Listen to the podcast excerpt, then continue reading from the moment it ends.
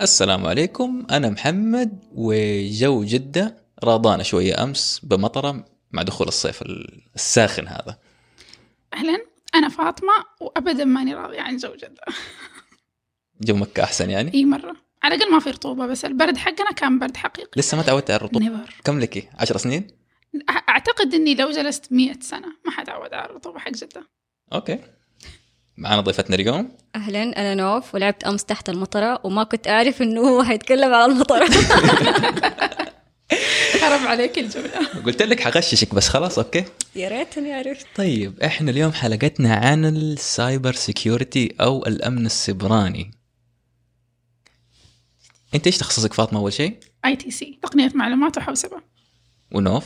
آه تخصص في البكالوريوس علوم حاسبات وفي الماستر أمن سبراني إلى حد ما تقدر نقدر نعتبرك متخصصة؟ أيوه يعني. طيب أنا شوي بعيد عن المجال هذا لكن أفهم فيه إلى حد ما. لكن في البداية أحتاج تشرحوا لي بس شوية الأمن السبراني من وجهة نظر الكمبيوتر. الأمن السبراني هو مجموعة مجالات مختلفة. هي قبل يمكن عشر سنين كان اسمها أمن معلومات. okay. ومع تطور الذكاء للبشر وللتقنيات صار لها مسمى منفصل اللي هو الأمن السبراني. لو جينا بالنسبة للأمن السبراني هو كيف أنت تحمي هذه المعلومات من ناحية تقنية وكمان من ناحية مادية إنها تكون موجودة physical يعني. okay. فإحنا لما نقول أمن سبراني بالنسبة لي لما أسمع كلمة سبراني المقصود بها دائما الكمبيوتر. أو المعلومات ال digital. الهجمات. من ناحية هجمات. بس الأمن السبراني هو أشمل. حتى يعني ممكن أنت تتكلم من ناحية بشرية. okay. فإذا أمن المعلومات إذا كان موجود في, في ال cloud أو في السيرفرات أنت كيف تتعامل معاه وكيف تتعامل معاه في نفس الموقع؟ من مم. ناحية إنك كيف تشدد الحراسات كيف إنك أنت ممكن تشتغل على ال structure حق المكان يكون آمن من ناحية الدخول من ناحية الخروج. فهو أوسع من منظور إنه فقط آه تقنية وروابط وكيف إنه الواحد ممكن يخترق. هي أنت جزء كفرد في المجتمع من هذه الحماية حقت الأمن السبراني كيف إنه الشخص آه، يكون يحمي هذه ال- ال- البيانات بياناته وبيانات المؤسسة اللي هو بيشتغل فيها بياناته وبيانات أهله لما يكون هو شابك على الواي فاي في بيتهم. حلو. طيب إحنا بالنسبة لنا الآن نتكلم إنه من ناحيتك أنت الآن تدخلي في مجال التوعية للناس. إنه كيف يحموا بياناتهم بطريقتهم. أو خليني أجيبها بطريقة ثانية. يعني كيف أوعي الناس إنه ما يكونوا هم مصدر الخطر للمعلومات اللي موجودة عندي كشركة كمؤسسة كعائلة. okay. شوية نرجع للأساس. في فترة مرة طويلة من حياتي كنت أشوف الناس أو بالأصح أتكلم مع الناس أشوفهم مثلا ما يكونوا حريصين في مشاركة معلوماتهم على النت. عادي أقول للناس مثلا عادي أشارك ال location تبعي عادي أشارك أشياء حتكشف كلمات سري عادي أشارك أشياء صوري. يعني أشياء تاريخ مرة ميلادي مكان. ميلادي. بالضبط يعني وفين ما راحوا يحطوا اللوكيشن تبعهم. واشياء من هذا القبيل ما كانوا حريصين فيه. فكل ما أقول لهم إنه لا يعني الواحد المفروض يكون شايل هم شوية أنا يعني أنا أهتم بخصوصيتي اللي بتأدي لحمايتي بعدين. صحيح. فكانوا يقولوا يعني ما يهمني إيش فيها لو الناس عرفوا هذه؟ إيش فيها لو الناس عرفوا هذه؟ فأنت من الأساس إيش خلاكي تنتقلي من إنسانة تقول آه يعني زي هذول الناس اللي يقولوا عادي إيش فيها لو عرفوا؟ إلى واحدة تقول لا والله هذا مرة شيء مهم وأحتاج إني أعرف عنه واوعي الناس عنه. سبحان الله كيف ال- ال story تبدأ من لما أنت تكون في سن صغير. آه أنا قبل فترة يعني نقول 15 سنة تعرضت للاختراق. لما أوه. كنت أيام ال Messenger وأيام ال Hotmail الوقت؟ إيوه فأنا كنت جدا زعلانة. أنا ليه أخترق؟ ليه في ناس زي كده سيئين في الحياة؟ فكان ال- ال- الشعور جدا سيء مع إنه ما كان في التوعية إنه أنا والاختراق ما كان بسببي. كان هندسة اجتماعية في واحد من أفراد العيلة تم تهكيره وبالتالي تم تهكير باقي العيلة. يعني كانت مشكلة عامة عندنا. أيوه. فمن وقتها أنا الموضوع في بالي. حتى لما بدأت أدرس الجامعة ما كان عندنا تخصص cyber security أو تخصص مم. معلومات. كان عندنا يا نظم معلومات تقنية معلومات وعلوم حاسبات حاسبات. حاسب بس كان عندنا المواد اللي هي شبكات ال security فجدا كانت تشدني إنه كيف ممكن البيانات تخترق إذا كانت مرسولة في, ال... في الإنترنت أو كانت أنت شابك على واي فاي ما هو مؤمن وبالتالي أنت ممكن تكون عرضة للاختراق مم. كيف إنك أنت ممكن من خلال زي ما أنت قلتي location أو ألعاب بتلعبها بتشارك فيها تاريخ ميلادك أرقامك المفضلة أسماء ناس أنت تحبهم أسماء الطفل اللي نفسك تسميه لما تكبر أيوة. هذه كلها أشياء. pattern الأشياء اللي أنت بتسويها اللي ما تتغير كل مرة نفس الشيء أيوة نفس فهذه- الأماكن نفس هذا فهذه سيكولوجيات يدرسها الهكر عشان يقدر يوصل لل password تبعك يوصل لأنت فين بتروح فين. بتجي كيف ممكن هو حتى لو ما يبى حساباتك ممكن يبى فلوسك. ممكن يبى يشوفك كده live عشان يتقابل معاك وبعدين يسرقك ويمشي. طيب في كثير ناس بيقولوا إنه أنا شخص مو مشهور أنا شخص ما حد يعرفني ما حد مهتم يعرف أنا فين ما حد مهتم يعرف أنا إيش آكل ما حد مهتم يعرف كم تاريخ ميلادي. آه بس في أشخاص سيئين جدا موجودين في العالم أنت ما تعرف إيش نواياهم. فأنت لازم تكون حذر. حتى لو لو حسابك كان عام فأنت خلاص عرضة لل- للجميع إنه هو ممكن يتبعك. حتى لو ما كنت مشهور. أحس الناس ما هم مستوعبين إنه حتى لو كنت أنت شخص ما أنت مشهور وما حيستفيد منك آه، المخترق مباشرة مم. أنت جزء من منظومة. الوصول لك حيسهل الوصول لمنظومة أكبر. صحيح. سواء لشركتك أو لو كنت كفرد بيتك الأجهزة اللي في بيتك وما إلى ذلك. يعني أنا سألت هذا السؤال لأنه في مرة من المرات سمعت إنه أفضل طريقة إنك ما تتعرض للاختراق إنه أنت ما يكون عندك أصلا معلومات مهمة الناس تبى تعرفها وتبى تخترقها. بس الآن يمكن كلام فاطمة اللي هو حتى لو أنت ما عندك المعلومات هذه أنت جزء من منظومة كبيرة مم. ومهمة الناس فعلا تبغى تدور عليك وراها. يعني ممكن تكون موظف في شركة كبيرة. صح لو أنت كنت أصغر عامل أو موظف فيها أنت لازلت ضمن هذه المنظومة. مهم. اللي ممكن رئيس الشركة أو صاحب الشركة هو برضه يكون جزء من المنظومة فأنتوا الاثنين مربوطين ببعض. فلا تتخيل ابدا إنه أنت شخص بين قوسين بين قوسين تافه ما حد يبي يدور وراك لكن أنت في ناس تبغاك لأنه أنت تكون آه حلقة في سلسلة مم. توصل لأشخاص جدا مهمين يعني زي ما أنت ذكرتي إنه كيف الشخص يكون هو فرد من منظومة مهم. فيروس شمعون اللي ضرب أرامكو مهم. يعني أنت تتكلمي عن موظف عادي موجود في مكتبه جاله إيميل آه، محتوى الإيميل إنه آه، رئيس الشركة يطلب منك إنك أنت ترسل ملفات أو تحمل هذا الملف وتعبيه وترسل لنا هو تاني أو ال concept إنه هذا الإيميل جاي من نفس الشركة أيوة. فهو بس سوى download وراح وكان يعني فترة إن هم رسلوا الإيميل نهاية دوام يوم الخميس قبل إجازة عندهم وقت طويل عشان يستغلوا إنه ما في أحد حيشوف وراهم ولا حيسوي tracking مهم. حتى ال security alert اللي كان حي- موجود في ال في ال- الكاسبرسكي أو whatever اللي. بيستخدموه ما حيكون ما حد حينتبه له خلاص آخر الدوام الناس تبي تروح إجازات كان عيد أو كان عيد في الايميلات كان. قبل رمضان إيوه كان فترة قبل رمضان العيد. قبل العيد إيوه بالضبط فما الناس ما كانت متوقعة ممكن يصير حاجة زي كده. فبسبب ملف تم تنزيله من قبل موظف عادي يعني منظومة كاملة أتوقفت عن العمل وصارت في يعني تحقيق. فيعني دائما أنا أقول الأمن السبراني هو خط دفاع زي ما يكون في خط دفاع أرض في خط دفاع جو في كمان خط دفاع. في ال في ال cloud إلكتروني. الالكتروني طيب إيش اللي خلاك تدخلي أول شيء مجال الكمبيوتر؟ هل التهكير اللي حصل لك أنت أيام الماسنجر والأشياء هذه كلها اللي خلتك أمم أنا حابه الشيء ده بعرف أنا ليش اخترقت؟ آه لا هذا الشيء اللي أنا. أبغاه ولا لا موضوع ثاني؟ لا أنا كنت في بالي أدخل هندسة أوكي فبعد ما يعني في جامعاتنا عموما أنت حسب معدلك فين حتروح أمم فالحمد لله أنا لا دخلت هندسة ولا تقنية دخلت آه، اقتصاد منزلي تجربتي مع اقتصاد منزلي كانت جدا جميلة. هي اللي خلتني الآن عارفة إيش أبغى من الحياة. آه، دخلت تقريبا سنتين درست مواد طفولة. مواد الطفولة شد آه، شدتني من ناحية كيف ممكن نخلي الطفل معتمد على نفسه وفي نفس الوقت مثقف متعلم. مو بس إنه إحنا نديله المعلومة ويلا مع السلامة. فكنا بندرس استراتيجيات كيف التعليم من سن أربع سنين لين سبع سنين بعدين من ثمانية لين 12 ومن 12 هذه المراحل التعليمية. بس آه، استوقفني إنه أوكي طيب أنا لو كنت معلمة حكون معلمة في مكان مع- معين وما حقدر أفيد كل الناس وحكون مشغولة في مدرستي. بس آه، ممكن أنا أجرب حاجة تانية تفيدني وتفيد المجتمع. بشكل غير يعني مباشر حولت بس تم قبولي في كلية حاسبات تقنية المعلومات.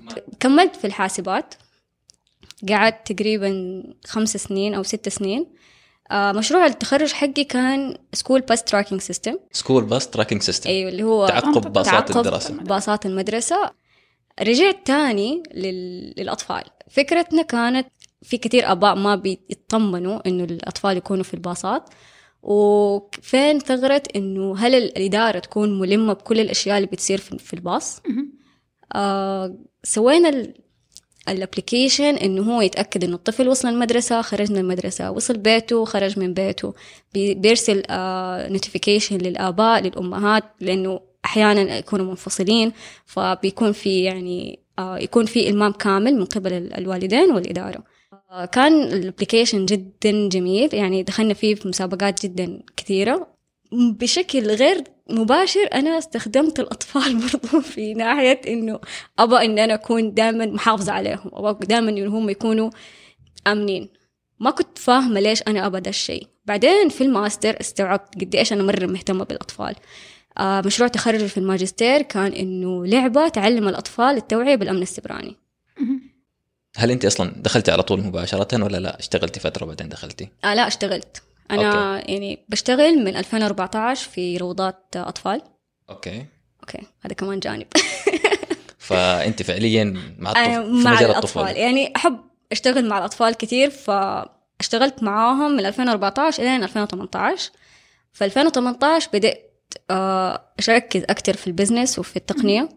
آه، تقريبا خبرتي في ال- في المجال العملي المهني خمس سنين فتعلمت أشياء كتير وشفت قد إيش آه، في احتياج cyber security في ال في ال- في- منظومات العمل عندنا. أيوة. خصوصا بعد تأسيس الاتحاد السعودي للأمن السبراني.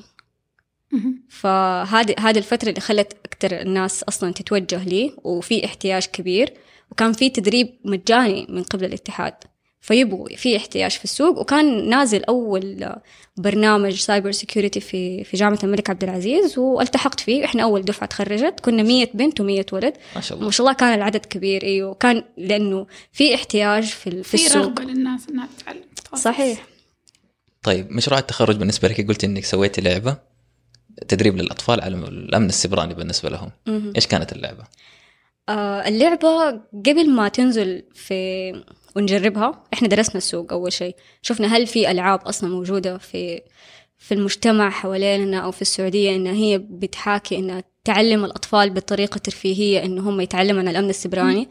لما أنا قعدت مع الأطفال وعملت لهم شوية مقابلات بسيطة آه الأطفال ما شاء الله مرة عليهم أذكياء. ما شاء الله عليهم يعني. يمكن يعرفوا معلومات إحنا عرفناها قريب. وبيتعاملوا مع التقنية من يوم ما اتولدوا. وإحنا نتكلم على الأطفال اللي هم أقل من 18 سنة وعندهم يعني استخدام للبحث ترى ما شاء الله اللي ما يعرف يكتب تلاقيه. يسجل صوته بالضبط. عشان يبحث عن المعلومة أيوة. وتلاقيهم هم يحبوا إنهم يكتشفوا ويتفرجوا في اليوتيوب وفي في كل المواقع التواصل حتى لو ما عنده account يدخل ب account أهله. فهذه النقطة المهمة إنه هو ما يكون عنده حساب لكن بيدخل بحسابات الغير بالتالي الشخص البالغ بي بيكون عرضة إنه هو يخترق بسبب الطفل. أيوه. وهو ما هم الاثنين ما هم مستوعبين مدى خطورة ده الشيء. فبما إنهم هم حيستخدموا التقنية فإحنا لازم نديهم الأسس عشان يقدروا يستخدموها بشكل آمن. فهذه كانت فكرتي إنه هل في طريقة إنه تخلي الأطفال يستخدموه بشكل آمن؟ في مصطلح مرة مهم ذكرتيه لما كنت تتكلمي على تجربتك في الاختراق أول مرة. آه قلتي هندسة اجتماعية. أيوه ممكن تشرحي للي بيسمعوا إيش معنى هذا الش... هذا المصطلح؟ هندسة اجتماعية هي إنه الشخص يدرس آه، سلوكيات الشخص الآخر اللي بيخترقه أو ال- اللي هو يكون تابع لشيء معين. بيشوف إيش الأشياء اللي يحبها إيش الأشياء اللي هو يروحها إيش الأشياء اللي هو يفضلها ومين يتابع. يعني كتير هندسة اجتماعية بتحصل عندنا في ال social media لما يجيك آه، حساب يكون مشابه لشخص أنت تتابعه. يقول لك أنا أبغى أتقابل معاك أو أضمك لي أيوة. في في واتساب group أو أي حاجة زي كده فهو يستخدم عاطفة الناس يتلاعب. يستخ... أيوه يستخدم كل الأساليب اللي ما هي تقنية بس إنه هي كيف يشوف احتياجك أنت أو أي حاجة أنت تحبها عشان نقاط يقدر- ضعفك. أيوه أيوة. وهذه النقطة ترى مرة مهمة لأنه الآن لما نتكلم على أطفال يستخدموا أجهزة أهاليهم ممكن يقدر يتبع النمط تبع استخدام الطفل للجهاز ويجي له على الخاص سواء حتى في لعبة. ممكن يجي له في لعبة يلعب معاه ويجي هو في الدردشة ويس... تدخل معايا جروب معين نتقابل في المكان المعين وهذه فعلا صارت للأطفال في عائلتنا صحيح. يعني أنا لما عملت اللعبة اتعاملت مع جمعية الأمن السبراني. حقت الأطفال. هي تابعة لهيئة الاتصالات. فكانت بتحكيني الأونر قد إيش في يعني مشاكل بتحصل مع الأطفال. الأهالي بيجوا يحكوها للجمعية إنه كيف نقدر نحل المشكلة هذه. أساليب التقليدية الأطفال الآن ما يقدروا إن هم يتلائموا معاها. ما تنفع أنت تيجي تقول له واحد اثنين ثلاثة لازم أيوة. أنت تكون حرص لازم الآن أنت تكون آه، آمن. لازم إنك أنت تكون ما تكلم غرباء. طب أنت لازم تفهمه ليش هذه الأشياء خطرة عليه. لازم تقول له هي بكل كانك أعطيته شفافية إياها مجرد تعليمات حرفية نفذها وطبقها عشان تنجو. وغير كذا هو بالنسبة له ما بيسمعك أنت إيش قاعد تقول؟ صحيح. إحنا أيامنا كان مصطلح لا تكلم غرباء معناه إنك لما تخرج الشارع تشوف واحد ما تعرفه لا. تكلمه. بالنسبة لهم الشخص اللي أنا مسويت له follow مسوي لي follow في, في تويتر أو الشخص اللي أنا آه، ألعب معاه في, في لعبة معينة ما هو غريب. هذا صاحبي يعتبر. بالضبط هذا صاحبي. ليه ما تبغون يتكلم مع هذا الشخص؟ بالضبط. لكن أنت ما هي- تعرف من هو. أي فبالضبط ما ما هو شيء هم حيستوعبوا إحنا إيش قصدنا فيه. فلما أنت تيجي تتكلم معاهم عن طريق دورة فلازم الدورة هذه تكون مناسبة لاهتمامهم.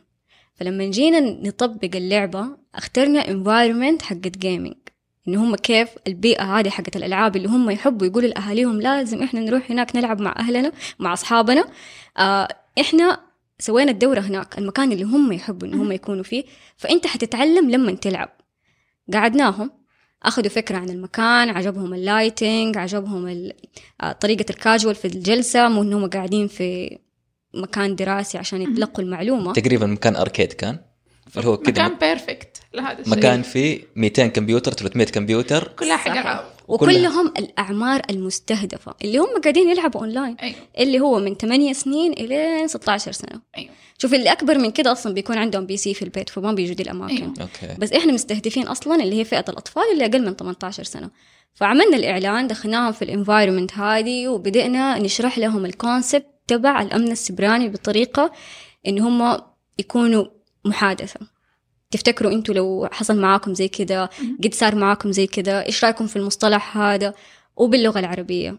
عشان صراحة كثير في دورات بتكون cyber security ممكن تكون اونلاين أو في ألعاب لكن بتكون ما هي باللغة العربية. لكن تعزيز اللغة العربية فكان من أهم الشروط للجمعيه إنها تكون باللغة العربية. طيب. أحيانا حتى لو كانت عربي تكون لغة متخصصة. ما تستوعب إنه هذول الناس ما حيفهموا هذا ال- الكلام المتخصص. صحيح. هو كان في يعني mix بس ال- الأساس لا لأنه نبغاهم يعرفوا إيش هي ال- ال- الم- المضار حقت أيوة. الأمن السبراني بس بالمصطلحات ال- الواقعية.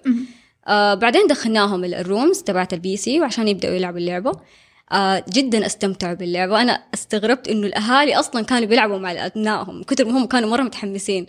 آه كانت عن طريق إن هي يدخلوا في عالم عالم تقني. عارفة ابطال ال digital لما آه، آه. ينسحبوا يروحوا كذا كذا نفس ال concept إنهم بيدخلوا في عالم digital ولازم هم ينقذوا نفسهم عشان يخرجوا. ولما ينقذوا نفسهم بيجاوبوا على أسئلة. الأسئلة هذه هي اللي بتخليهم يوصلوا المصطلح. أيوه حلو. أنا لعبت اللعبة هذه. okay. وصراحة كانت مرة ممتازة ومرة حلوة. يعني لا زالت في فكرة اللي هو أنت هنا محصور فأنت الآن قاعد تلعب لعبة عادية. هي اللعبة كانت تقريبا اللي هي سوبر ماريو تقريبا إيوه. فلما تيجي تشوف إنه okay أنت الآن تأخذ اللي هو المربعات اللي هي حق علامة الاستفهام اللي هو المفروض إنك تأخذ منها الفطر بس هي الآن فيها أسئلة. فلازم تجاوب على السؤال عشان تقدر تخرج من التراب اللي أنت فيه أو من الفخ اللي أنت فيه. فهذا بيخليه دائما يحاول يفهم بالضبط إيش اللي مقصود. فحتى لو هو ما هو فاهم بيحاول بيجرب. حتى لو كانت الإجابة خطأ يقدر يرجع يجاوب السؤال مرة. ثانية. okay هو يقرأ السؤال يبدأ يفهم يستوعب إيش المعلومة اللي موجودة فيه. وفيها يمكن كمان رمزية حلوة مرة عجبتني اللي هو كان إنه في فيروسات بتتحرك تحت. أيوه. فلازم تكون فعلا يعني حويط إنك ما تتاكل من هذه الفيروسات ولازم تتأكد إنه أنت دائما في المكان ال safe دائما أنت في المكان الصح.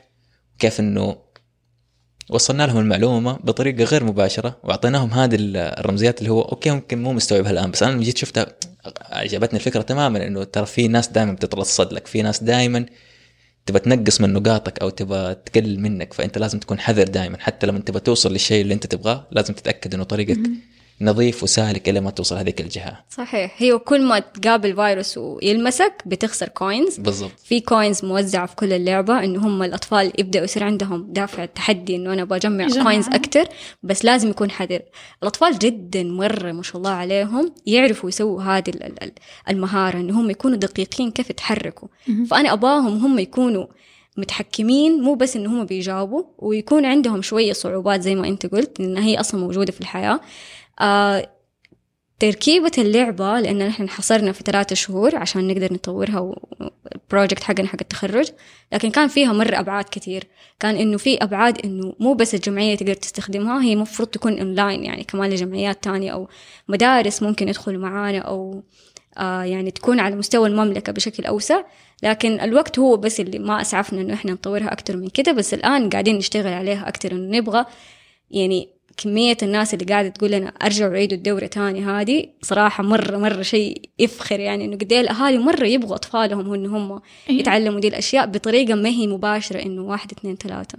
أيوه وهو أساسا أفضل بالنسبة للطفل إنه الشيء اللي يسويه ويتعلم منه يكون موجه للاواعي عشان يجلس. لما يكون حاجة أو قدامي الآن ممكن أقول لك okay طيب وأفهمها معاكي الآن بعدين خلاص أنا حخرج من الباب وكله حيروح. صح؟ ما حيكون حاضر في دماغي دائما زي لو خلاص صار جزء من تفكيري.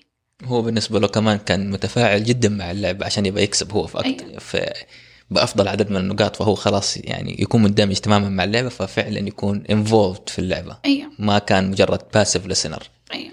فهذا يمكن أهم شيء. أيوه من ناحية آه يعني أمن لل- للأهالي كمان يعني بنرجع شوية لورا من ناحية الأمن السبراني إنه الأهالي أصلا يحتاجوا إن هم يوعوا أطفالهم فبالتالي هذه مو بس لعبة هذه هذه يعني حماية ليك ولحياتك. ولطفلك لأنه في بيصير ابتزاز إلكتروني في بيصير تنمر إلكتروني في بيصير سرقة إلكترونية لأن الأطفال أحيانا بيسمعوا كلام الغرباء وبيحطوا بطايق أهاليهم. يقول لك أنا عشان آه، تاخذ اللعبة هذه لازم تحط مثلا آه، رقم البطاقة عشان نسحب منك خمسة ريال عشرة ريال. فجأة الأب يتفاجأ إنه في ألفين ثلاثة بتتسحب من حسابه. فأحيانا الأطفال بيتخذوا قرارات من عندهم ما يكونوا مستوعبين حجم المشكلة. يحسوا الموضوع مرة عادي. أو حمل اللعبة الآن بس ضع رقم جوالك. الطفل ما عنده رقم جوال فيحط رقم جوال أبوه أو أمه فيجيله كود الأب ما يكون عارف إيش بيصير فممكن يخترق منه. فهي مشاكل متسلسلة بس الأساس حقها موجود في أشخاص إحنا ما إحنا مرة مهتمين نوعيهم بس بنعلمهم أساسيات الحاسب. Which هو ما يحتاج الآن يعرف أساسيات الحاسب كيف ال- ال hardware يشتغل. يعني وغالبا عارفها. لو تكلمنا من صح. ناحية software غالبا عارفها. يعرف كيف يفتح يوتيوب يعرف كيف ما يحتاج يسوي أن الالعاب دي يعني- كلها. يعني أنا لما راجعت المناهج حقت الابتدائي كنت أحتاج إن أنا أخذ منها مثلا أسئلة أو أي شيء عشان أقدر أربط لهم هي بال... بالواقع. أو على الأقل تعرف قديش مستواهم. امم آه ما, ما ساعدتني صراحة يعني إن أنا أقدر لأن هو هو كمنهج كويس بس ما ينفع الآن إنك أنت بس تفهمهم إيش هي أساسيات ال- ال- ال hardware ولا ال- كيف تفتح وورد كيف تفتح إكسل لا أنت لازم تروح أوسع شوية. الوضع اختلف الآن. إيه. فلازم نتطور. يعني أم، أيامنا لما كان هذا جزء من منهجنا كانت هذه الأشياء جديدة علينا. فحتى مسألة كيف أفتح البرنامج أنا محتاجة أتعلمها. الآن هذه الأشياء الطفل من أول مرة حيفتحها حيطالع عيونه فوق تحت يعرف تلقائيا هو فين حيلاقي كل حاجة يحتاجها. لأنه هذا شيء زي ما إحنا ذكرنا في البداية حاجة هو اتولد عليها. بالضبط. حاجة يعني ما هو شيء جديد ما هو زي إن إحنا اللي نحتاجه. بس أحس في كلامنا الآن أنا استوعبت شيء تاني. مو بس الأطفال اللي مرة فئة مستهدفة وسهلة لهذه الهجمات كمان كبار السن. صحيح. مرة سهل إنك تقنع كبار السن إنهم يعطيك آه، إنهم يعطوك معلومات البطاقة تبعهم أو إنهم يزودوك معلومات زي كلمة سر الإيميل. هذول الفئتين كبار السن والأطفال هم أكثر شيء. ليش كبار السن طيب؟ آه طيب. في فئة صارت آه، بتدخل مدخول مادي من آه، حسابات مثلا مثلا تلاقيه هو يبغى يفتح طاقات أو يفتح أبشر يفتح حساب في البنك يفتح أي حاجة تلاقيه في أماكن مكاتب قيادة المرأة. لما نزلت نزلت منها حسابات أنا أحجز لك موعد في آه، المدرسة حقت القيادة. أي. أنا أحجز لك موعد في طاقات. أنا أجيب لك حافز. أنا أجيب لك هذه الأشياء كلها. فالناس تحديثات حقت تستسهل. حافز والأشياء دي كلها. تستسهل إنك تديها. يدوا البيانات للأشخاص الغرباء عشان هم ما يعرفوا التقنيه أو ما فيهم. وصار أسهل من ذا أيام ما فتحت منصة مدرستي. كان مرة طالع مشاكل كثير مع كلمات السر وإنه مو مدخلني وكذا. لما جد فتحت المنصة كان وقت الناس اللي ماسكين فيهم أطفال وآباء وآباء كبار في السن حتى. الاثنين التقنية بالنسبة لهم ما هي شيء آه، يعني يسير إنهم يعرفوا. فالكل عانى من يعني قصدي جهتين الأطفال والكبار عانوا من إنهم يدخلوا على المنصة. فكم مرة في حسابات كثير تستغل إنها تقول أو أنا أسوي لكم حساباتكم ارسلوا لي معلوماتكم. ويدخلوا حساب الطفل فيه كل معلومات الطفل وكل معلومات الأب. صحيح هي كورونا جات يعني مو بس إنه ريحت الناس في بيوتها لكن تعبتهم صراحة وخلت الاختراقات مرة سهلة. لأنه كل شيء يتحول إلكتروني. فتخيلي أنت كمية ال- السرقات والهجمات اللي صارت. وقبلها بفترة كان يعني كان نازل ال Blackboard فكانت كتير جامعات كانت بتحاول انها هي تحول الدراسة اونلاين. مثلا من ناحية اختبارات تساليم. فكانوا كثير ما هم ما هم حابين أصلا يعملوا ال shift هذا. بس مع كورونا اضطروا وبالتالي نفس الضغط اللي صار على مدرستي صار على ال Blackboard أيوه. الكليات الوحيدة اللي كانت تستخدم ال Blackboard آه، الحاسبات.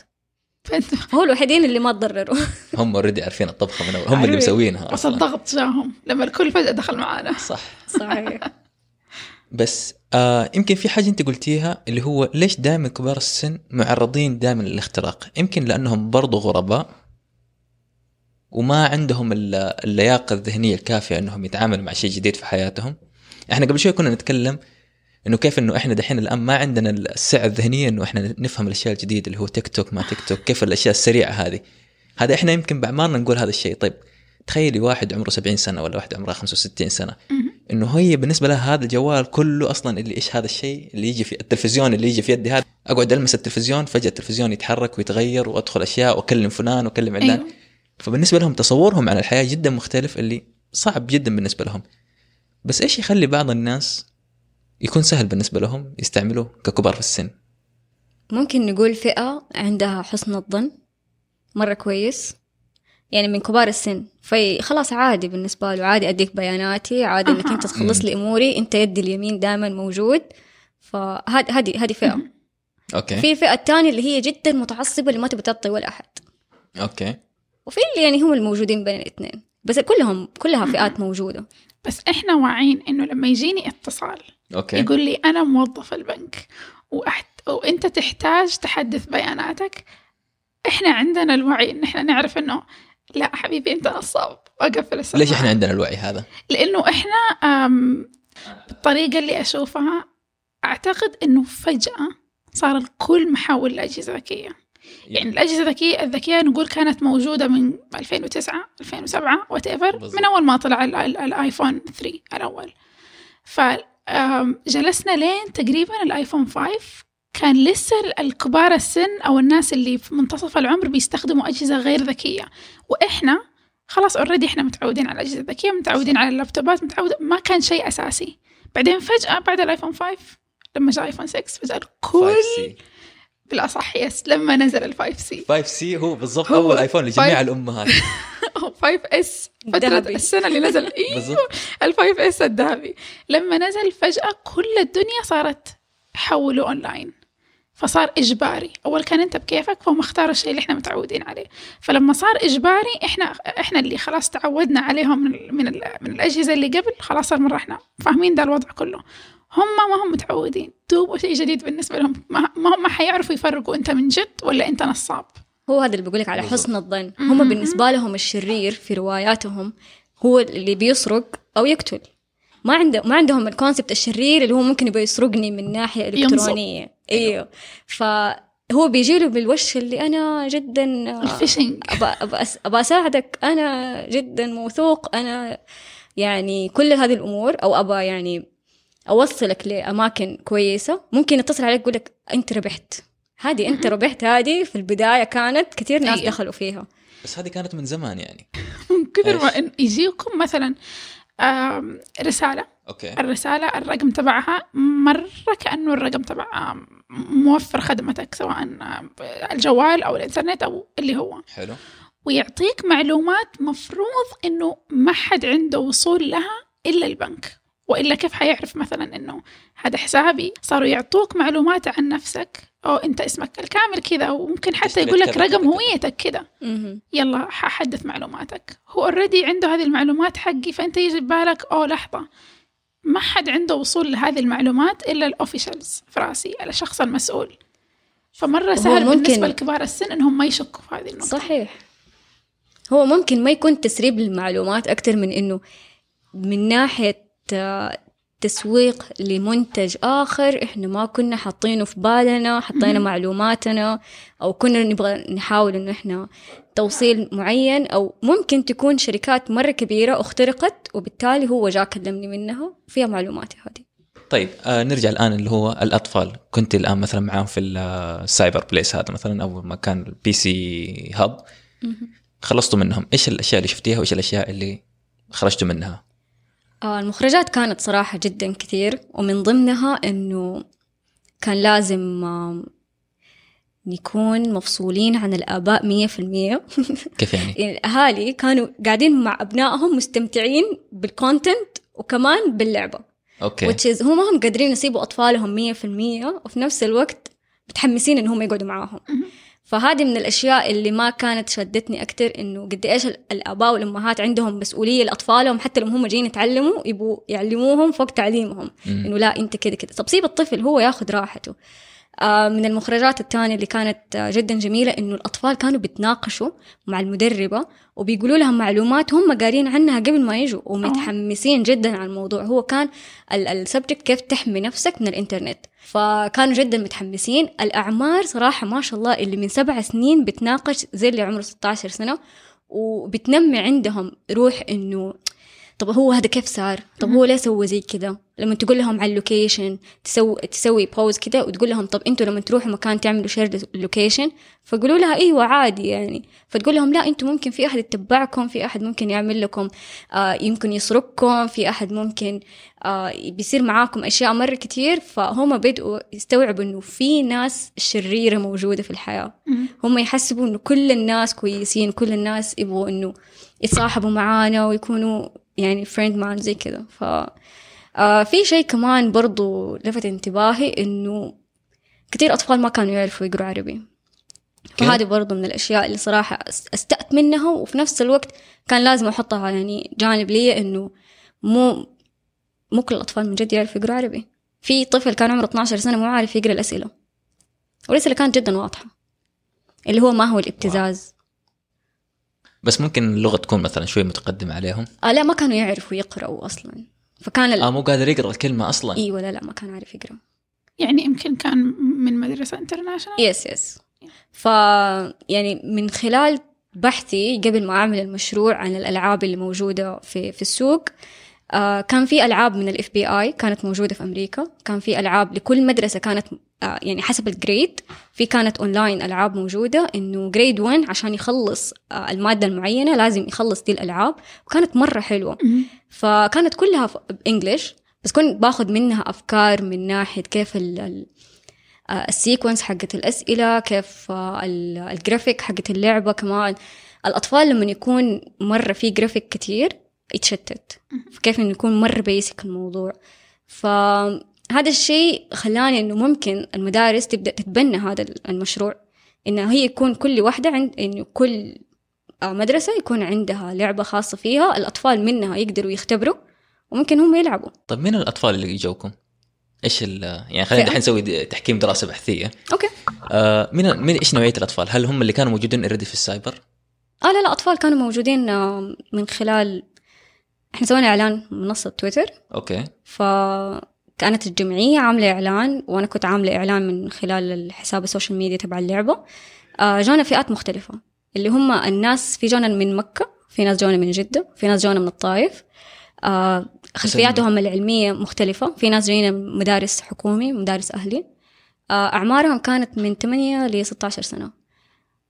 كيف جونا عن طريق ال social media فما كان في bias تقريبا يعني مش إنه أوه أنتوا رحتوا مكان already الأطفال قاعدين فيه 24 ساعة ويلعبوا فهم already عارفين هذه المعلومات كلها و already عدى عليهم اختراقات وعدى هم أهاليهم. هذه لا. إحنا يعني أول شيء استهدف الأهالي هم اللي اللي سجلوا okay. لأطفالهم فبالتالي هم جابوهم بناء على الإعلان الموجود في ال social media آه كان ممكن يكون في من ضمن الأطفال الموجودين لكن إحنا كنا نبى نختبر الفئة المستهدفة في الجمعية نفسها هي جمعية تبي تعمل assessment للدورات تبعتها. كيف طلعت النتائج؟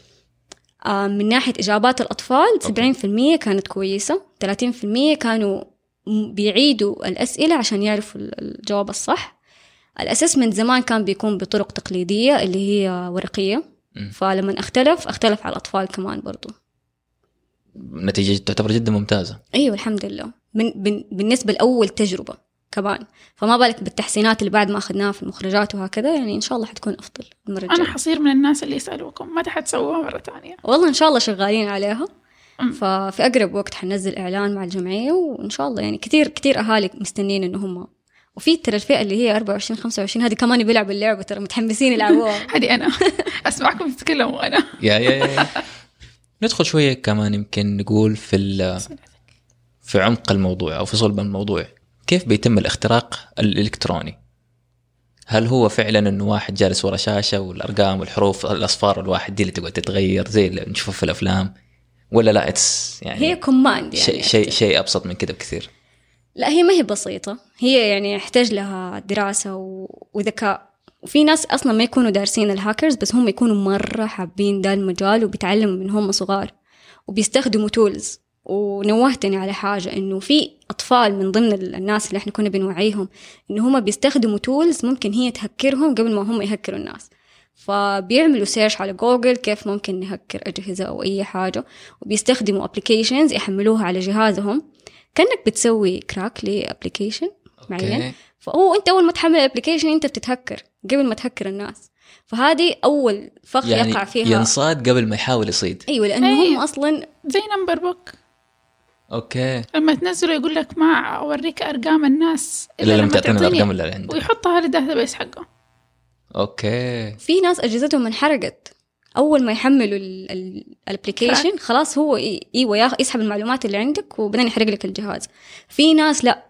اللي هو اللي اللي يسكت لين ما يخليك انت تحس انك انت لا هاكر اكبر هاكر في الحياة وكده ويخليك تدخل على الناس وتسوي access تعيش وبعدين الجو كامل. هو. ينشر الفيروس كده في كل مكان فتصير انت يعني ما بس بتهكر الناس انت مهكر وبتهكر الناس وبتحسب نفسك انك انت أفن شخص في أنت الحياة. المشكلة. صحيح. ففي لا في أشخاص ما شاء الله عليهم يبدأوا من الأساسيات. ما يبدأوا من ال applications ال applications هي يعني تعتبر أسوأ طريقة للهكر لكن في ناس يبدأوا أساسيات اللي هي شبكات. يروح كافي مطعم. ويدخل على الشبكة حقت المطعم. يبدأ يشوف الناس هي إيش ترسل. إيش ممكن. في أحد مثلا داخل على الواي فاي بيدخل login على application البنك. يقدر هو يلقط لو كانت ال- الشبكة شبكة مفتوحة. غير مؤمنة ممكن إنه هو يلقط ال packet هذه ويقدر يفكها يشوف التشفير يشوف ال password حقك. خلاص. هذه من طرق يعني الاحتيال اللي بتصير إنه هو بيعرف بياناتك وأنت قاعد في مكان وأنت ما دخلت ولا على أي رابط. بس إنك شابك على واي فاي ما هو مؤمن آه في عندك آه عمليات اختراق ممكن تكون عن طريق link. فممكن إن أنت بتحط فيه بياناتك وبتعمل download ل file أو whatever يعني بيصير. فينزل الفيروس على الجهاز يكون أيوه. فيروس خامل يخلي الكمبيوتر نايم ويسجل كل المعلومات أو مم. ممكن يكون active بحيث إنه يبدأ فعلا يضر الكمبيوتر اللي أنا فيه. صحيح. بس في حاجة مرة سمعتها أنا تجننت منها إنه ممكن يكون في تهكير أو تنصت أو تجسس عن طريق صوت مروحة الكمبيوتر. أشرح أكثر؟ يا طيب. الآن عندنا مروحة الكمبيوتر. دوران المروحة يطلع صوت. الصوت هذا له تردد معين. فأنا ممكن أخلي الجهازين جنب بعض فصوت المروحة هنا بتسمعه بيسمع الكمبيوتر الثاني فيصير التردد مثلا 400 مثلا خلينا نقول هرتز بيسمع على أساس إنه صفر وتردد 500 هرتز يسمع على أساس إنه واحد فيقعد ينقل له البيانات صفر وواحد صفر وواحد صفر وواحد ما بين 400 و500 فالفرق في الصوت بين المروحة هذه وبين المروحة هذه إحنا ما بنلقطه بإذننا. يعني قدرة إذننا على التفريق بين الصوتين أيوه. جدا قليلة. لكن هذاك الكمبيوتر ممكن ينشر فيه الفيروس وإحنا ما نحس ففي نفس الوقت يقدر ينقل المعلومات بين الكمبيوترين بهذه الطريقة. هل هي منطقية؟ يعني أحاول أعرف إيش اللي حيستخدمه للنقل. أيوه لأنه صوت ما في ميديم أي صوت المروحة حياخذ منه التردد بس إيش اللي حيستخدمه عشان ينقل الشيء من هنا لهنا؟ كيف حيتنقل هو عندنا؟ طريقتين. okay. يا هي بال LAN يا بال WAN. هذا هذا لو كان اتصال مباشر أو إنه ممكن أستخدم Bluetooth Wi-Fi أي حاجة بس هو بس لو ما في مجرد اتصال صوت. يا أنا أفهم إنه من الصوت أعرف معلومة بس من الصوت أرسل معلومة سمعتها يعني انت نشوفها. تكون. يتحكم يتحكم في في الكمبيوتر مروحة الكمبيوتر بالضبط still تحتاج medium للتحكم كيف medium إيش يعني medium؟ تحتاج شيء تحتاج شيء يتحكم بال... بالمروحة بالنقل. سواء أيوه اتصال أيوه. أيوه إيش هو already في برنامج موجود في الجهاز الأول. والجهاز الثاني؟ والجهاز الثاني يكون مزروع فيه مثلا. yeah it make sense now في الأخير okay. مروحة ما مروحة it's البرنامج okay سواء كذا أو كذا. مو هو أصلا يقول لك أنت لو حسيت انه الجهاز ثقيل حتعرف إنه ترى في applications قاعد تشتغل حتى لو أنت كنت مقفل كل ال application. والجهاز لسه still تحسه بيسوي صوته مره حار. أدخل ال task في- manager قام 100% كله. فتلاقي في أج... في برامج هي قاعد تشتغل بشكل خفي. خفية. أنت ما أنت شايف هي إيش بتسوي لكن okay. أنت مقفل كل حاجة. فأنت تعرف كده إنه أنت في مشكلة في شيء. شغال في الخلفية أنا مو عارف إيوه. عنه. زي ال DoS attack اللي بيس بيرسل بس attack على يرسل على server. عمليات.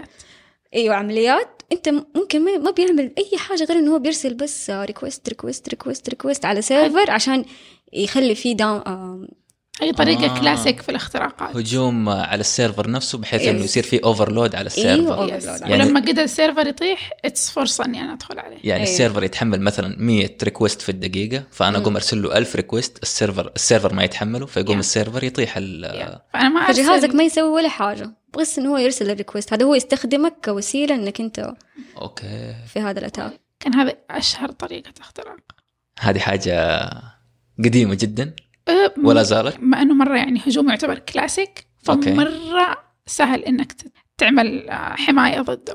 okay. فصار مرة كثير السيرفرات تمسك مرة. كثير أو إنه تعرف توزع ال ال ال لما تحس إنه traffic أيوه زاد. توزعه أو على طول ترسل تنبيه ويصير أو توقف. أو تعمل صد yeah yeah مثلا. فصار فصار شيء معروف. طب حلو. أنت الآن دخلتيني في موضوع في حتة أنا مرة حاببها اللي هو كيف إحنا الآن التهكير يجي قبل ما يكون في الصد حقه أو ال- الحماية منه. فدائما الهكر يكون متقدم خطوة عن الحماية. فإذا مم. تقدم خطوة أنا أجيب الحماية أتقدم معاه الخطوة هذه فأحمي نفسي منه. متى السباق هذا حينتهي؟ هو السباق ما حينتهي للأسف. لأنه ما في حلول نهائية. نظرا لتطور التقنية وتطور ذكاء الناس. الناس ما شاء الله صارت أذكياء. فبالتالي أنت تبى تبى تكون أقوى شركة تحمي نفسها وظف أحسن هاكر في is هذا هذا من. من من أكثر الأشياء السلمية أنت ممكن تجيب أحسن شركة تعمل لك حماية تقنية من ناحية cyber security ومن ناحية أمن معلومات لكن ممكن هذه الشركة تسيب لك شوية ثغرات كده أنت ما كنت. شايفها مهم. بعدين. هي تيجي تحلل لك المشكلة عشان تقدر تكسب عشان بس أنا اللي أحلل لك هي تدفع لي بس. أنا. okay. فهي ذكرت إنه الشركات توظف الهاكرز مرة شركات كثير هذه الأيام بتسوي مسابقات سنوية. آه، يلا طلعوا لنا ثغرات في النظام. اللي يطلع ثغرة وفعلا تكون خطيرة. زي حقت ابل برنامج ال 200 ألف دولار أو شيء زي كذا. آه لا هذا عموما مفتوح مو مسابقة. آه تجي تقول لنا هي. وإحنا نتأكد oh yeah من جد في حدفع لك عليها. أيوه. بس الشركات بتسوي مسابقات مرة كبيرة. اللي هي catch the flag ويجوا الهاكرز اللي آه، بالضبط يعني أنا حكسب منه مرة فلوس كثير بالملايين أحط فيها. في الأخير okay. الشركة مستفيدة إنها تكتشف الثغرات. صحيح. وفي نفس الوقت تض- توظف المعارف تبع الهاكرز عشان ما يخ- تخترق بس إنها تكتشف قبل الاختراق. فأنت ذكرت دائما حيكون اله- ال- الهاكر متقدم بخطوة على ال- الحماية. الشيء اللي ممكن تسويه الشركات إنها زي ما قالت توظف الهاكرز. تعطيهم تعطيهم medium يستخدموا فيهم معارفهم قبل ما يستخدموها ضدنا استخدمها معايا طلع لي الثغرات. آه، وريني كيف ممكن أنا أكون مستهدف وحدفع لك مقابل خدمتك الرائعة. وأقفل هذا ال- الثغرة. ويكونوا updated دائما. ما لها يعني- يعني لازم يكون دائما ما مطلع له على نهاية. يعني. يكونوا updated لأنه هم خلاص موجودين في في العالم الافتراضي هذا. فهم لازم يكونوا دائما متأهبين من أي هجمة ممكن تجيهم من برا ومن أي هجمة ممكن تجيهم من تحت برضو. من نفس الشركة من نفس الموظفين. فهم يكونوا يعني الموضوع parallel هم يشتغلوا عليه سواء يعني على ممكن يكون يكون الاختراق داخلي. ممكن يكون اختراق داخلي من ناحية موظفين من ناحية آه، سوء إدارة من ناحية آه، سوء توعية. آه، ممكن يكون من نفس ال tools ما يكون فيها update خلاص واحد يوم أنت ما سويت update على أي tool عندك أنت تخترق. هذه حركات بنشوفها في الأفلام برضو في الأفلام الخيال العلمي المستقبلية. نسيت المسلسل الجديد بس آه، الفكرة إنه بدال ما أرسل لك آه، هجمة أو استهداف عن طريق الشبكة أرسل شخص يتسلل للمقر تبعك يروح لل- للسيرفرات يشبك USB. خلاص تم الاختراق. هذه أسهل من إنه يخترق أونلاين؟ مو أسهل بس يعني إحنا بنتكلم على وقت صارت فيه الشركات مرة مأمنة نفسها عن طريق الشبكة. okay. فبالنسبة للهكر لو نحن نتكلم على منظمة كبيرة سهل بالنسبة لها أنها ترسل شخص أنه يروح يتسلل. أو يتوظف. إيه يتوظف ممكن حتى بطريقة مرة. basic مرة. basic أو قبل ما يخرج هو يكون زعلان يروح يسوي مشاكل في على الشركة قولهم قديمك نديمك ها؟ الطريقة القديمة هي هي اللي تشتغل ها؟ في في آه، مثل يقول احذر من عدوك مرة ومن صديقك مئة مرة. لا الآن احذر من موظفك خلاص. جايك okay أنا شغال معاكم دحين ف it works فالتنمية البشرية يعني المفروض إنه يكون فيها included لأنه Yeah. كيف التوعية من ناحية إنه يكون في ولاء للشركة okay. إنك أنت ما يكون في تسريب بيانات. ممكن وأنت قاعد في جلسة مع أصحابك تتكلم كلام هذا الشيء يضر الشركة من ناحية أمنية. بس لا فعلا لما- في البداية عرفتي ال- ال cyber security ذكرتي هذه النقطة ومرة شيء مهم إنه عموما ال cyber security ما يختص فقط بال- بالجهاز والأشياء ال- والشبكة وما إلى ذلك كمان بمعارف على أرض الناس. والناس اللي بيهتموا بهذه ال- ال- التقنية. زي ما قلتي برضو على أرض الواقع لازم إحنا كيف نهتم بمعلوماتنا إنها ما تكون أمام الناس. وجدا مهم العبء ما يكون بس على المختصين في الأمن السبراني أو التقنيين إنها تكون هذا يعني خلاص كأنه حاجة عارفينها إحنا كلنا كأنه زي لما أقول لك أنت مفهوم الادخار. مم. كلنا نحتاج إن نفهم مفهوم الادخار مو بس حقون ال finance. okay. الآن كلنا المفهوم لازم نعرف مفهوم الأمن السبراني عشان هذا حيفيدنا في حياتنا قبل ما يفيد الناس. حلو. طيب إحنا كده الآن ممكن نقول إنه في اختراقات بتتم برضا الناس هم ما هم دارين بالضبط إيش اللي قاعد يصير. صحيح. زي يمكن اختراقات البنوك اللي حصلت مثلا قبل فترة. بس في شيء غريب ملاحظ فيها إنه كل الاختراقات تيجي بطريقة يعني غبية شوية. إنه بتجيني رسالة على الجوال لغة الرسالة جدا واضحة إنه هذا واحد ابدا ما هو تبع البنك. هم إيش level السبب؟ levels يعني بيكون في لسه دوبهم مبتدئين. وفي ناس يكونوا لا متمرسين وفي ناس يكونوا لا خبيرين في هذا الشيء. okay. فهم يوظفوا بعض عشان يقدروا يسووا مجموعة تقدر هي تخترق الناس. فأنا ححكي قصة حصلت معي الأسبوع الماضي. كنت راجعة من آه، دورة أكاديمية طويق في الشبكات عشان أدرس كيف نحمي نفسنا من الشبكات. فرجعت لقيت أختي قاعدة كده مندهشة. قلت لها إيش بك؟ قلت لها والله أنا مكسوفة أكلمك في الموضوع. قلت إيش صار؟ قالت لي أنا كنت عارضة منتج في حراج والمنتج هذا كان يعني مبلغه كويس لكن الشخص اللي كلمها بيقول لها أنا بس أحتاج منك إنك تدفعي لي التوصيل عشرة ريال ومن بعدها خلاص أنا أخذ المبلغ المنتج منك بالمبلغ اللي أنت تبغيه والتوصيل حيكون بالشكل اللي أنت تبغيه بس أنت بس عبي لي بياناتك هنا فهي دخلت على الموقع وشافت إنه هو secure وأخذت ال link وحطته في موقع اللي هو ال- التحقق من الروابط وقالوا لها إنه ال- الرابط كويس. بعد ما خلصت ال process هذه كلها وحطت بياناتها البنكية وحطت البطاقة في الرابط صار ينسحب منها infinity كده 100 في 200 في 300 في 400 500 المهم total 3000 إلين ما صار يجيله آه من نفس البنك قفلوا حسابها. إنه إيش ال- في الحساب عمليات متكررة كثير. عمليات متكررة ورا بعض. فهي انصدمت إنه كيف ممكن رابط كده موثوق وآمن ممكن إنه هو يحصل منه اختراق. فأنا قلت لها يعني الله يعوضك. هي سوت تبليغ لكن اللي يعني اللي يحصل معاه زي كده أول شيء يسوي تبليغ في كل امن وفي الجرائم الالكترونيه ويقفل حسابه ويروح يفتح حساب آخر في البنك.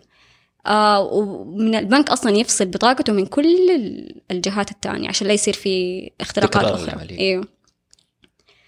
المستفاد إنه ممكن ال- ال- الرابط يكون آمن. لكن ال- الهكر من كتر ما هو مرة متمرس فهو دافع certificate حقت ال HTTPS عشان عشان تكون Secure. secure which is هذه أي أحد يقدر يسويها. مو لازم أنا أكون منظمة عشان أكون HTTPS يعني ال- البروتوكول حقي secure فهذه مفروغ منها. حتى لو كان الرابط آمن الشخص ممكن يكون غير الشخص آمن. ممكن بيكون بيستغل بياناتي بشكل آخر. آه بطاقتك عمره ما حد حيطلبها منك. لا توصيل ولا بنك ولا جهة حكومية. إنك تحط الكود حق الثلاث الأرقام إلا لو كنت أنت تبي تشتري شيء. وكمان غير آمن إنك تحطها أصلا في حتى, حتى في الأماكن اللي تبي تشتري منها. أشتغل آه، أشتري بالبطاقة أو آه، PayPal هذه أحسن طريقة إنك أنت مم. ممكن تشتري فيها طريقة. إلكترونيا.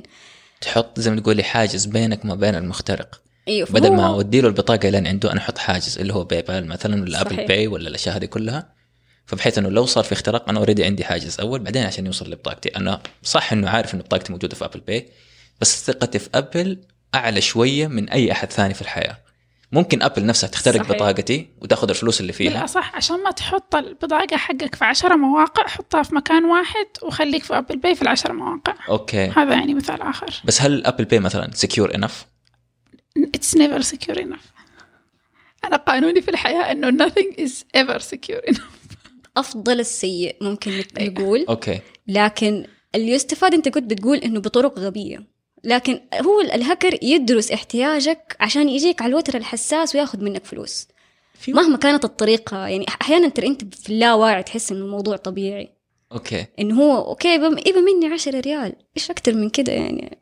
سهل الموضوع. في شيء ثاني. في واحد قال مرة الرسائل اللي قاعد تجينا هذه على الجوال اللي هو بطاقة حق أنت بنك الفلاني آه خلص مدري إيش اشتراك سوي تجديد. فاللغة مكسرة تكون. ففي واحد قال إنه هذا اوريدي بيفلتر الناس اللي هم واعيين وفاهمين. إنه ترى هذا اختراق. لكن في أحد ما يعني يعني بالعام نقول على تو. حرس أنا حرسل لمية امم ما أحتاج مية. أحتاج واحد من المية. بالضبط. أحتاج واحد بس أسرق منه مية. واحد من اللي المية. يتفاعل معي. أنا ما أبغى مم، 100 يتفاعلوا. معايا. وحصلت حصلت. إيه؟ أنا كنت قاعدة في مقر عملي وجاتني ال- المستخدمة. آه، الدادة جات كلمتني قالت لي مدام شوفي هذا دحين بيكلمني ومدري ونفس اللغة الركيكة. بالضبط. هو خوفها. الآدمية وجهها صار أصفر. تقول لي أنا دحين فلوس حقت أنا فين روح مدري لها لا أنت اللي كل اللي تسويه تمسح الرقم. وخلاص أنت عملية الحمد لله إنك. جيتي. قالت لا أنا هو كلم أنا دحين لازم أجيب فلوس. فهو زي ما أنت قلت هو يستهدف كثير بس اللي يزبط معاه يزبط. فهو بيفلتر إنه إذا أنا شفت إنه بنك الفلاني بيرسل رسالة هو بيجي له database هو بيجيب له database فأنا لا أنا عارف إنه هذا already اختراق ممكن بيشتريها بدولار ترى. اي فلما يجيني واحد بلغة ركيكه يعني أنا محمد مثلا فاهم. فبيجيني واحد بلغة ركيكة أقول هذا okay اختراق لكن واحد غيري يشوف اللغة الركيكة هذه ما يميز إنه ترى هذه لغة. ركيكة وكذا فهو already بيفلتر وعايش في الجو مع الناس هذول. ذكرتي مرة شيء مهم؟ قلت إنها خافت.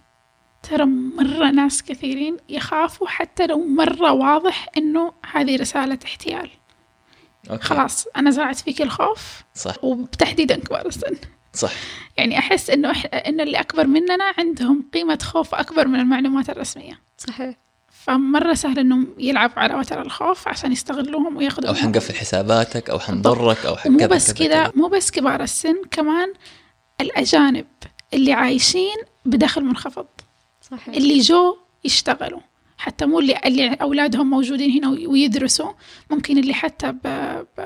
يعني مع اللي بيحول فلوس كل شهر لأهله مثلا. بالضبط. هذول بيخافوا من أي حاجة لها علاقة لأنه خلاص هذا بيهدد حياتي ما بيهدد بس أنا ب- ك- الكم فلوس اللي أنا عندي في البطاقة. نقدر نجمعهم هذول كلهم في وصف واحد نقول مستضعفين؟ انكلود ترى إحنا. حصلت معايا حادثتين زميلاتي الاثنين في الدفعة في الأمن السبراني. حصلت معاهم حوادث سرقة. كيف؟ أول آه، سرقة كانت عن طريق آه، تطبيق حملته على الجهاز. آه، كانت تبي تستخدمه يومين بعدين تشتريه في ظرف عشر دقايق. free trial. اللي لا اللي هو بعد ما أنت حملت ال application يبدأ هو يرسل لك تنبيهات. okay. لو ما جيت حولت لي فلوسي على الحساب كده كده ترى أنا ح... ح... ححرق الجهاز.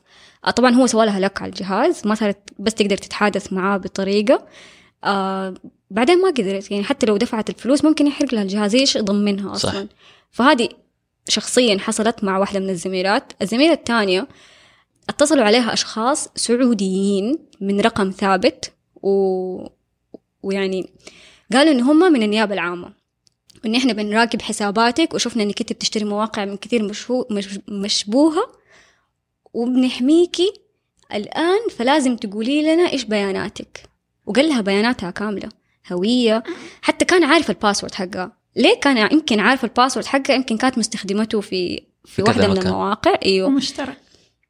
فهي تقول لي أنا كيف تم اخافتي بدا الشكل إني أنا ممكن أهدد أمن الدولة بسبب حسابي أنا؟ وتم اختراقها. يعني هي ما هي فقط يعني على كبار السن أو الصغار هي سيكولوجية كيف هو يجيك بطريقة يخوفك. فيها. وصاروا مرة بروفيشنال يعني صاروا بطريقة اللي ممكن هم يجوك.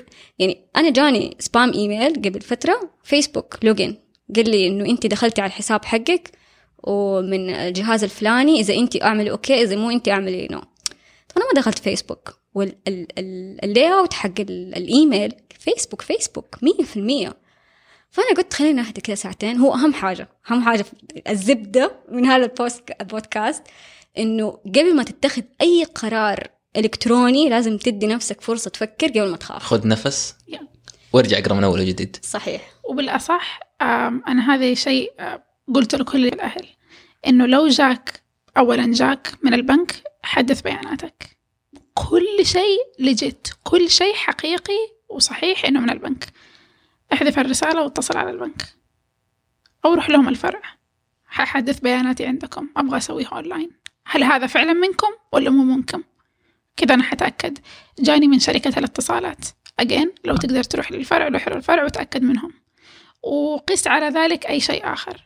لو لو تقدر تروح للفروع عشان تتأكد فعليا من ال system عندهم إنه كذا أو لا ما, اتأكد ما في داعي لهذا كله طب ما أنا already عندي تطبيقهم في جوالي أحذف الرسالة طيب. وأدخل التطبيق بنفسي نقطة مهمة محمد وروح. آه أحيانا أشخاص يكتبوا أبشر في جوجل أيوه. أو يكتبوا البنك الأهلي في جوجل. تعرف إنه في هاكرز يدفعوا لجوجل يكونوا sponsored عشان يطلعوا أول أيوة.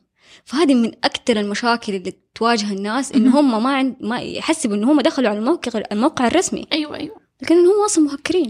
وعشان كذا أنا أقول فعلا إحنا وصلنا مرحلة اللي الشيء الوحيد الآمن مئة بالمئة ضد هذه الهجمات إنك تروح للفرع.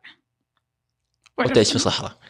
لا إحنا في الأخير ما يمدينا ننقطع. عن. تصل عليهم تدخل على حساباتهم في السوشيال ميديا تاخذ الرابط من نفس حساب السوشيال ميديا تبعهم عشان تتأكد. أيوة. طيب. إحنا الآن بنتكلم نوف عن إنه كيف إنه نحتاج نسوي يعني ناخذ احتياطاتنا في ال privacy في الحياة.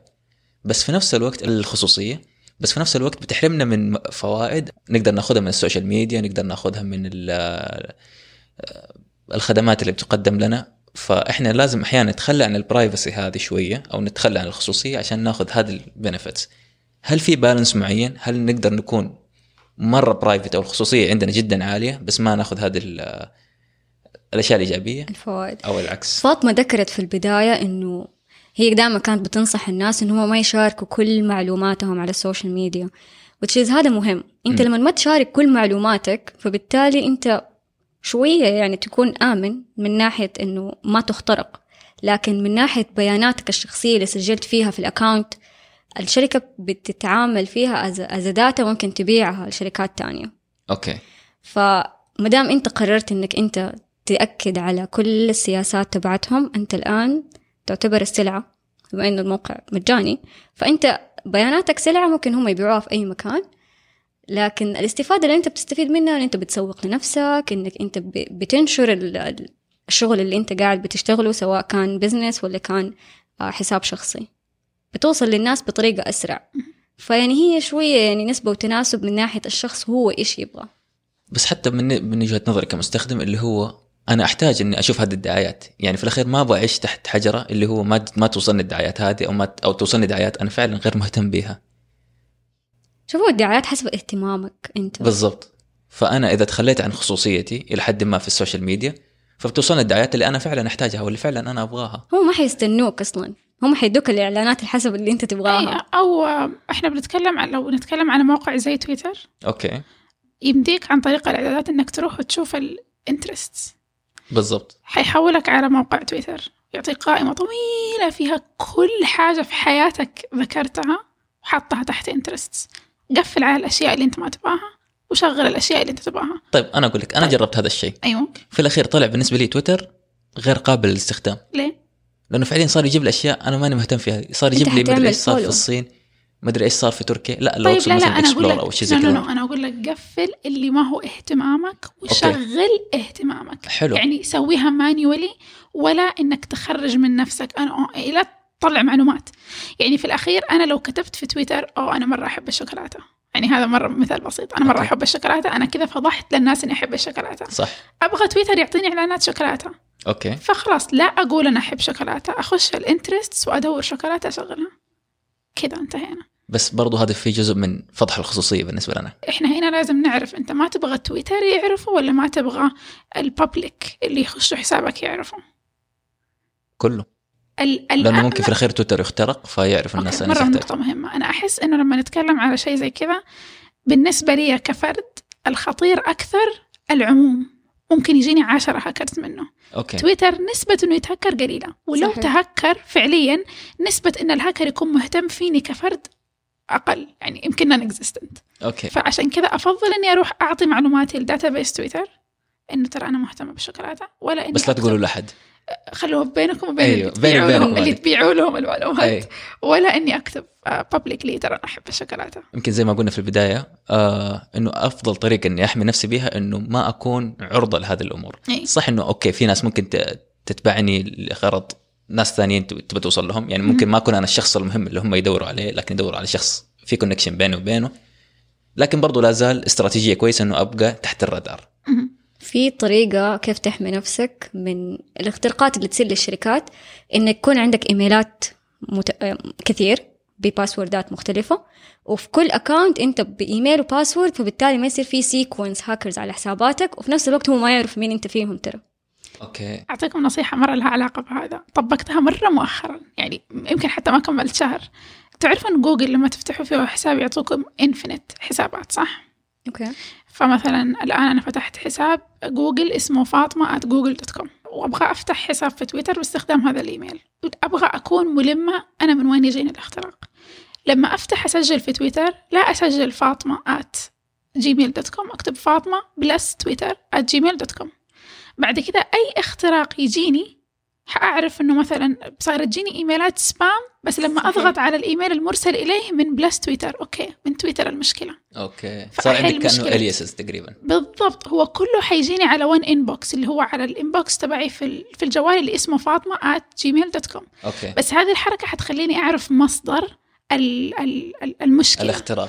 ولو ولو قلت لت- لجوجل لنفس ال inbox تبعي أي شيء يرسل إلى فاطمة plus تويتر dot com حطوا spam بيحطوا spam تلقائيا وأنا كذا حليت مشكلة إنه أنا تويتر اللي ضيع لي هذه المشكلة اللي ضيع لي هذه المعلومة.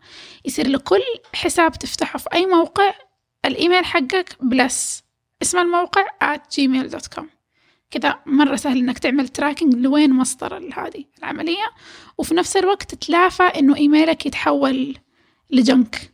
كله يصير junk كله إعلانات. يبغى نستخدمها مع. الزبده في كمان حاجة معلش بس حابة أنوه عليها. كثير ناس يستسهلوا إن هم يعملوا login by جيميل أو login by أبل account أو أي حسابات كذا ممكن تكون عشان أسرع بدل ما أسوي account بالإيميل. جديد، أيوه. أيوه. فهذا يعتبر جدا دخول سيء لل account أنت أنت بتديله access على على حسابك إيميلي. الأساسي. okay. فبالتالي أنت كده ما عملت account أنت كده لخبطت الدنيا. فأي اختراق يصير في حسابك الأساسي ممكن ياثر على حساباتك الثانية. و sequence ما حتتخل... ما حتتخلص منها. آه في هذه حاجة أنا ماني متأكدة من قديش دقتها بس آه عموما أجهزة أبل لما تدخلوا على ال keychain صار يعطيكم فوق ال compromised passwords أي password تبعك تبع أي حساب ظهرت فيه آه اختراقات. فيقول لك إنه مثلا عندك الإيميل تبعك اللي في تويتر ال password حقك أخترق وتسرب. حلو إنك تعرف هذه المعلومة عشان بسرعة تروح وتغير المعلومات حتى جيميل بيعطيك هذه ال... ال... أي. ال compromised جدا جميلة هذه. إنك تستفيد من هذه المعلومة. وحتى في أظن Apple ID اللي هو في اللي هو Hide My Email فيسجل بايميل وهمي. ال- فيصير ايميل الشخصي الحقيقي الشركات أو التطبيقات ما تعرفه. صحيح. فوقت ما أبغى أقفل لما حسابي آه لما. قدك تشترك في شيء مدفوع داخل التطبيق. بالضبط. فأنا okay أنا ب... ما أبغى الموقع هذا يعرف بالضبط أنا إيش قاعد أسوي بعد كده أو أبغى أقفل حسابي ما يظل إيميلي موجود عندهم. الإيميل هذا خلاص already انتهى وتقفل ف expire أيوه أيوه. أفتكر فترة كان من النصائح اللي في الجامعة في group الجامعة يتداولوها هو قد سمعتوا بال burner emails؟ بالضبط هذا هو ال burner email. أيوه هذه مواقع مواقع تفتح لك إيميل. آه أيوه أيوه. يعني يمكن يجلس maximum أسبوع وينحذف. لما تبوا تسجلوا في أي موقع مؤقتا يعني في مواقع تحتاج تسجل فيها بس عشان خدمة سريعة. صحيح. استخدموا ال burner emails وخلاص. آه، كذا أنتم ما حطيتوا شيء دائم وما سجلتوا معلوماتكم الخاصة وفي نفس الوقت حاجة بتروح للأبد ووقت ما يروح الإيميل يروح لأنه إحنا في واحدة واحدة من حلقاتنا هي اللي تكلمنا فيها عن آه، الترتيب الترتيب؟ آه مع مي حكيم. مع مي حكيم. بس. وذكرت إنه في الفوضى الإلكترونية اللي مم. يكون عندنا إنه إيميلاتنا كلها spam. مرة- yes ومسجلين في 20 مليون موقع وتوصلنا رسائل منها كلها وال inbox حقنا فيها 500 ألف رسالة ونتكسل نحن نحذفها واحدة واحدة. وخلاص لدرجة إنه تحس هي حياتك مشتتة إلكترونيا بسبب هذا الموضوع. فمرة يعني فكرة حلوة إنكم ت... على طول unsubscribe مباشرة unsubscribe أو إنكم تشتركوا في هذا ال burner emails إنكم المواقع هذه اللي تعطيكم إيميلات مؤقتة. وآخر حلول ال spam وال filter وارمي على الجنب هذا كل الكلام قلناه قبل ما نقول الزبدة. yes لسه ما وصلنا للزبدة. شيء الآن إحنا نعرف هذا الكلام كله. ونعرف إنه غلط نشارك كل حياتنا على ال social media. ليش لا زلنا بنشارك حياتنا على ال social media؟ يمكن عشان تويتر بيسألنا what happen يعني هو الشخص الوحيد اللي بيكون مهتم إنه يسمع مننا. وإن إحنا بيتابعونا ناس نفس اهتماماتنا ويكونوا متحمسين يعرفوا إيش جديدنا إيش من ضايقنا فهي ال social media عشان هي شيء اجتماعي. فنحب إنه إحنا نكون مع الناس يطبطبوا علينا أو يفرحوا لنا. الإنسان هو يأنس بالناس ف حتى لو كان account ما في أحد. يعني بالنسبة لي account ي فاضي تقريبا وما أعرف إنه ما حد بيشوف ولا أشوف أحد. في ناس يفضلوا يكتبوا في ال notes. وفي ناس بتكتب بس في ال- ال notes. الناس ال social يحبوا يكتبوا قدام الناس. okay. حتى لو ما كان في أحد بيعطيهم أي وجه أو بيطبطب بس يحسوا خلاص كده أرتاحوا. خرجها من قلبه. أيوه طيب هل في ضرر منها؟ هل ممكن مثلا أمسحها ويصير خلاص okay المعلومة اتمسحت تماما ولا لا؟ المعلومة هذه راح تظل للأبد على الإنترنت؟ آه لا سوف تكون للأبد موجودة على الإنترنت. ما في أي مجال إنها تنحذف حتى لو انحذفت ممكن ترجع. فهو أنت يعني مع الوعي إنك إيش تشارك وإيش ما تشارك هذه مع الأيام حيتعلمها الشخص. okay. بس إنه مبدئيا إحنا كنا أصلا انفتحنا فجأة على هذه المواقع الاجتماعية فصرنا نبغى إنه إحنا نشارك صور ونشارك كلام ويوميات. وغيرها من الأمور. okay. إحنا بنتكلم على شيء ودبي افتكرت إيش؟ آم، شفتوا المشكلة اللي طلعت أول ما أضافوا تويتر؟ موضوع ال views؟ yeah. إنه الحسابات الخاصة عدد المتابعين حقي مثلا أنا حسابي private عدد المتابعين حقي 100 مثلا. okay. يطلع لي ال views 150 كيف؟ يمكن كم مرة شافوا ال- الشخص كم مرة شاف التغريدة حقتك؟ حسب كلام حقون تويتر إنه no هذه unique okay. ال view unique للحساب. فهذه واحدة من الأشياء اللي خلتني أعتقد إنه لحظة. يمكن حتى ال private ما هو actually private في ال social media يمكن ال- ال- الحساب ال private مو من جد as private as we thought فموضوع إن إحنا نشارك معلوماتنا أنا فتحت الحساب ال private. حقي تاكد بس أنا أساسا ماني ما حد مسوي لي follow ف of course حيكون صفر بس آه، ال- النقطة اللي هنا أحب أذكرها هو إنه آم، لما الشخص يكون واعي بالمخاطر حيقدر يقدر إيش المعلومة اللي هو عادي يشاركها. آه، ما أحس إنه غلط. مثلا لو تكلمنا على location موضوع مشاركة ال location عادي شارك ال location تبعك بس لا تشاركه وانت قاعد في المكان. صور الصورة احفظ الصورة وارجع البيت لما ترجع البيت نزل الصورة. at least ما حد حيقدر يلحقك الآن. وحاول ما تسوي أي شيء يظهر آه نمط. لو أنت كل يوم الساعة عشرة الصباح تروح ستاربكس تشتري قهوة حاول تكسر النمط كذا يوم في الأسبوع. ومو بس كل أحد أروح لا حاول إنك تكسر النمط بحيث إنه ما يقدر شخص يتابع أشيائك ويعرف إنك لا تصير متوقع. بالضبط. Let them know your next move. آه. فهذا كذا لا تخليهم يعرفوا. لا وفعلا يعني صراحة يا. بالنسبة لي صراحة حكاية ال views حق تويتر اللي خلتني أصحى شوية وأوعى إنه ترى okay صح ما في ناس كثير بتتابعك. وما في ناس كت... يعني ما في أحد تقريبا بيتفاعل معك. حسابي شبه مخفي تقريبا في تويتر. بس أنفجعت بقديش كمية ال views اللي بتصير على كل تغريدة عندي. أنا حسابي فعليا ما حد بيتابعه وكل تغريدة فيها 50 60 واحد بيشوفوها. فلا استنى الكلمة اللي أنا أقولها عابرة جدا لا ترى في ناس بيشوفوها في ناس بيتابعوها في ناس ممكن يبحثوا عنها في ناس ممكن أيوه تويتر. عملوا for you وعملوا ال following Yes. هذه كمان حاجة بتخلي تطلع أنت في ال explore من غير ما بالضبط. من غير ما يعملوا لك follow بالضبط. إيه، أول كان حسب الكلمة اللي أنت كتبتها لو موجودة ك topic في تويتر؟ بتظهر للناس اللي مم. متابعين ال topic الآن ح- صارت حتى صاروا حتى يقدروا يعملوا آه ال algorithm predicting اللي أنت تقصد أكيد مثلا أنا تكلمت كتبت جاستن. okay. أو أكيد الجاستن اللي تقصده هو جاستن بيبر. فحيظهر. في ال topic تبع جاستن بيبر. وأحيانا ما حتقول جاستن بيبر أساسا. حتذكر حاجة بس حصل إنك ذكرتها في وقت كان شيء ترند أكيد أنت قصدك كذا. فينتشر. وإذا ما كان قصدك كده حتعدي عليها بسرعة فيفهم تويتر وقتها إنه لا مش هذا اللي يبغاه. يبغى شيء ثاني أيوه فاتاكوا على تويتر. شفروا كلامكم. حتى أيوه عموما عم- ال social media بشكل عام يعني آه يعني حاولوا إنكم ما تكونوا مرة شفافين. yes زي وحصلت اللي معايا. موجودين في سناب شات يعني حصلت معايا. المشاهير في سناب شات يعني أنت هو بي بيصحى من النوم بيخرج بيروح بيجي أنت عارف كل تحركاته. وأحيانا هم يشوفوا فين حيمشوا ال fan ويروحوا وراهم عشان أيوة. يتصوروا معاهم. هذول نيتهم طيبة فما بالك بالناس اللي نيتهم أيوة. طيبة. وإح- وإحنا اللي أصلا already وشوشنا ما بتطلع. أنا حصل معي موقف أو موقفين إنه في ناس وقفتني اللي أوه إحنا نعرفك ترى محمد أنت بودكاست الزبدة. yes نوصل لفقرة الزبدة. بعد هذا الكلام كله فيه زبدة. نوف إيش زبدتك من الحلقة؟ آه إنه الاستثمار الحقيقي هو الاستثمار في الأطفال. جميل. مم. فاطمة؟ آه أنا زبدتي إنه لازم كلنا نكون واعيين قديش أهمية المعلومات حتى اللي بالنسبة لنا تكون ما هي مهمة.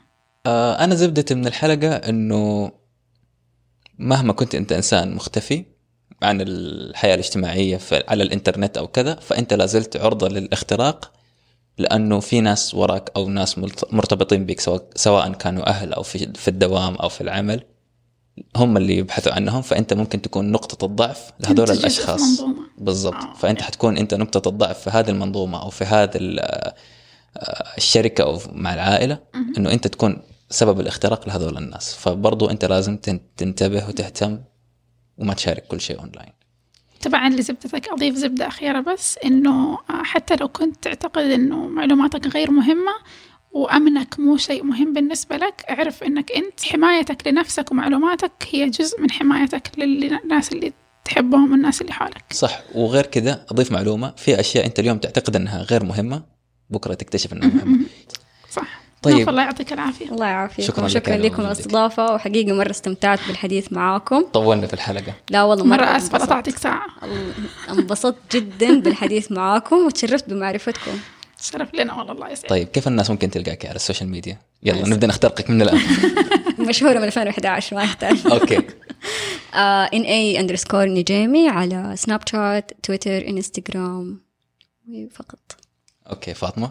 أنا في كل مكان على at fat that ma. F A T T H A T M A وأنا محمد تلقوني على انستغرام at mosbasha أو على تويتر mosbash وممكن كمان توصلون على حساباتنا في الزبدة at azzbda على انستغرام أو تويتر تقدروا تتشاركوا معنا أي معلومة أنت تحبوها. أوه الآن صح الآن الآن كمان نزلنا على تيك توك حننشر إن شاء الله اول إيش سموها ريل صرنا جنزي تيك توك صرنا جنزي فالآن إحنا كمان حننزل على تيك توك نبغى نجرب نبغى نعرف إيش العالم هذا. فأول فيديو راح ننشره الآن تقريبا مع الحلقة هذه على بعض الحلقات السابقة. فتقدروا تتابعونا هناك برضو على @azzbda آه هذه كانت حلقتنا اليوم. شكرا لاستماعكم وخليكم آمنين. ياي سبرانيين.